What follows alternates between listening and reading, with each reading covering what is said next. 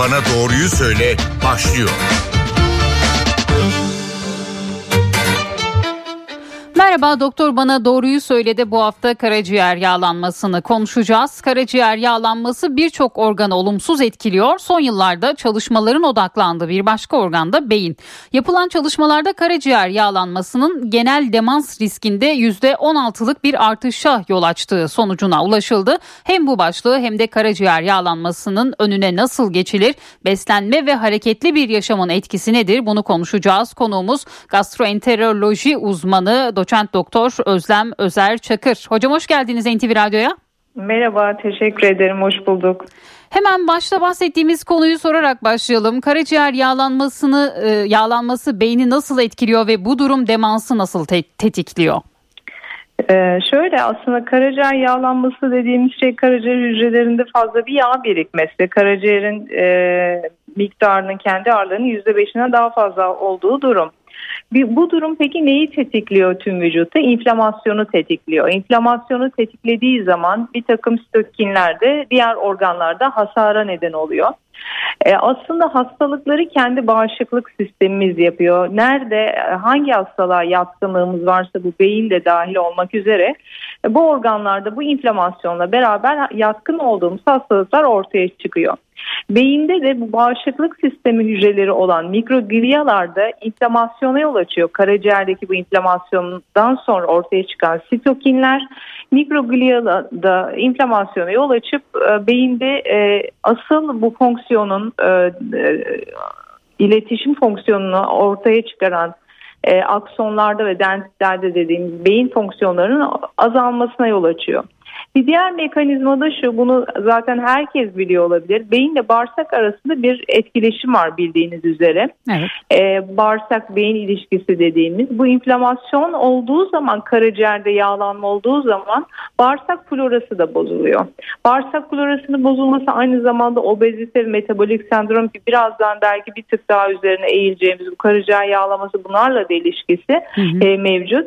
Bağırsak florası bozuluyor. Bağırsak florası bozulduğu zaman geçirgen bağırsak sendromu dediğimiz bir takım e, yine bağırsaktaki toksik maddelerin beyne ulaşması sonucu yine demansı tetikliyor. Demans dediğimiz şey bir şekilde bunama, e, bilinçteki o, o bir takım fonksiyonların yerine getirilememesi sonrası e, sonucu unutkanlık ve benzeri beyin fonksiyonlarının azalması.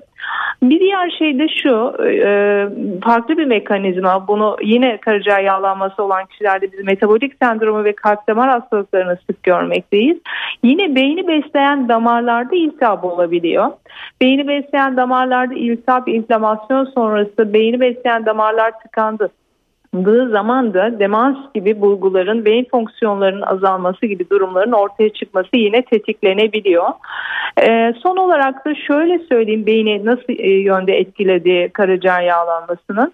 Ee, biliyoruz ki son zamanlarda Alzheimer hastalığı arttı ve Alzheimer hastalığı e, beyinde amiloid dediğimiz bir takım plakların birikmesine bağlı olarak ortaya çıkıyor.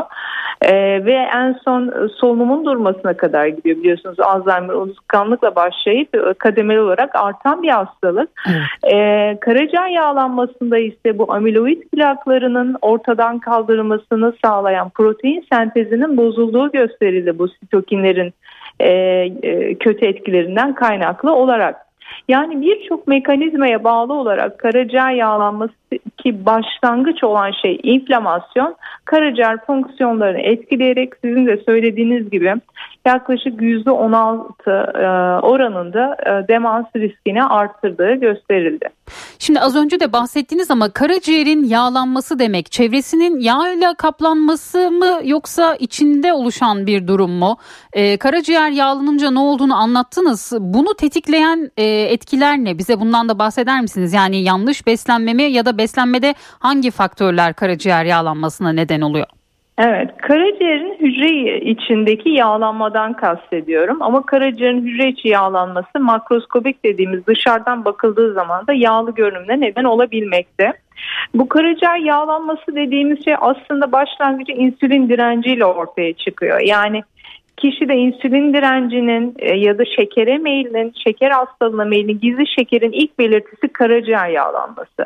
Çünkü karaciğer e, organı şekeri dengeleyen bir organ vücutta. Yani şekeri yapan da organ, yıkan da organ olduğu için ilk baştaki hadise insülin direncinin ortaya çıkması sonrası karaciğerde yağlanma oluyor.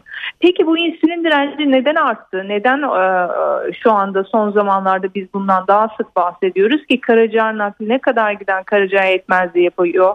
karaciğer yağlanması bu neden ortaya çıktı? Bu işte aslında günümüzün e, hareketsiz yaşamı, stres olması, e, aynı zamanda karbonhidrattan zengin ya da food gıdalardan e, zengin beslenme gibi yanlış beslenmenin ortaya çıkardığı bir e, sonuç.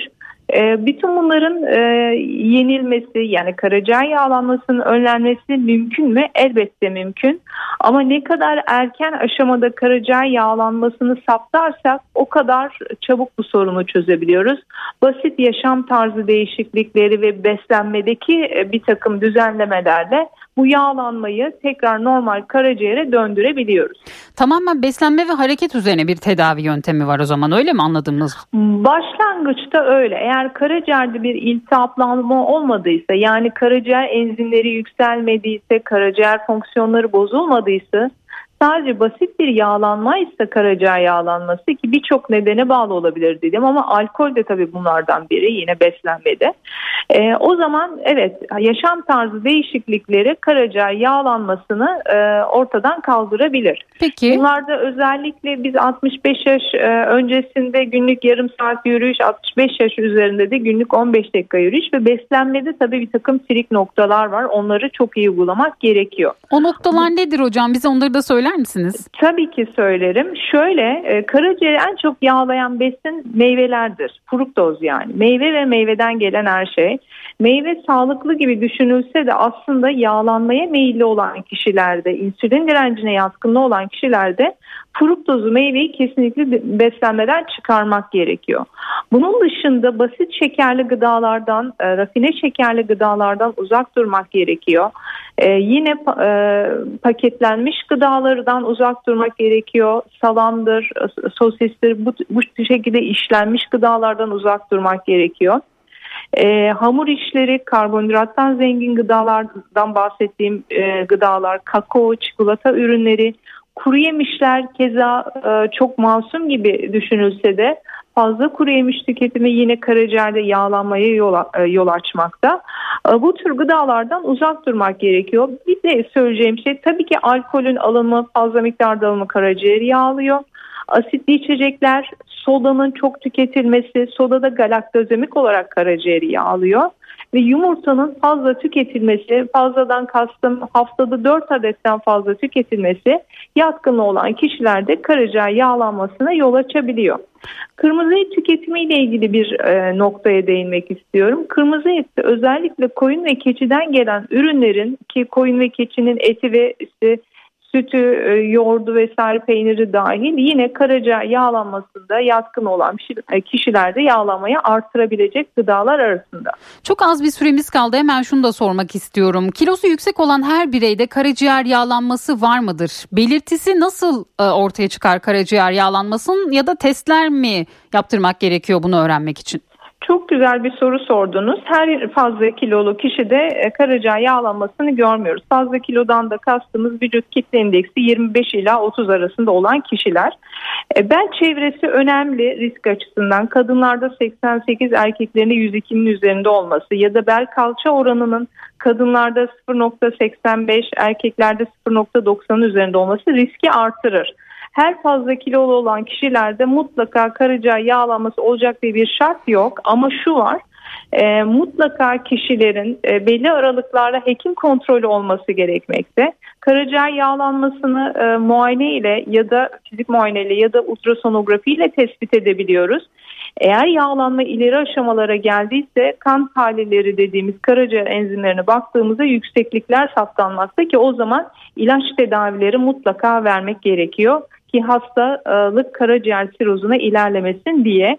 E, kişi bunun farkında olduğu zaman karaciğer yağlanmasının bir takım kanser risklerinde arttığını mutlaka bilmeli. Sonuç olarak e, belli aralıklarla hekim kontrolü e, sağlığın e, daha erken e, önlemini almak açısından önemli. Yani kan tahliline mutlaka aralıklı olarak baktırmak mutlaka, gerekiyor. Mutlaka kan tahlillerine gerekirse ultrasonografiye aralıklı baktırmak gerekiyor. Çünkü bunun belli bariz bir şikayeti olmayabilir. Basit bir halsizlik bile buna yol açabilir. O yüzden belli aralıklarla kontrol yapılması gerekmekte.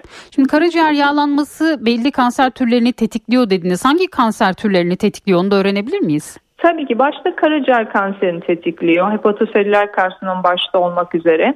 Onun dışında kolon kanseri, mide kanseri, meme kanseri ve pankreas kanseri riskini arttırmakta.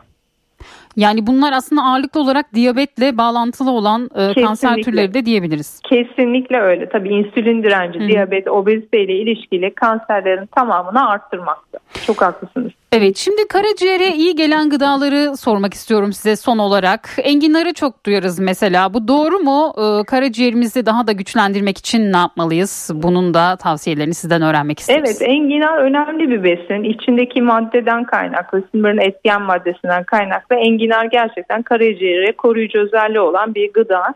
Enginar tüketilmesinde fayda var. Bunun dışında yine yapılan çalışmalarda, makalelerde günde iki fincan Türk kahvesinde karaciğer sağlığını koruduğuna yönelik makaleler, çalışmalar mevcut. Ee, bir diğer gıda pekmez antioksidan e, özelliği var. Yani hani kişi e, sürekli hani mesela karbonhidrat almayın peki ne yiyelim diye sorduklarında pekmez alabileceğini öneriyoruz. Çünkü antioksidan özelliği var, karaciğer koruyucu özelliği var pekmez tüketilebilir. Diğer sebzelerden yine kabak gibi, taze fasulye gibi bütün zeytinyağlı sebze yemekleri tüketilebilir.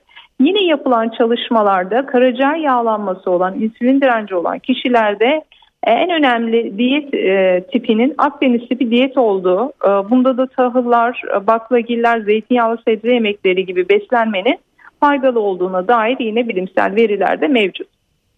Hocam çok teşekkür ediyoruz sorularımızı yanıtladığınız programımıza katıldığınız için. Ben teşekkür ederim. İyi yayınlar dilerim. Çok teşekkürler.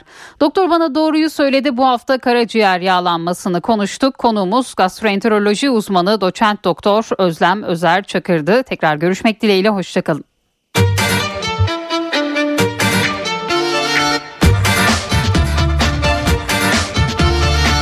Doktor bana doğruyu söyle.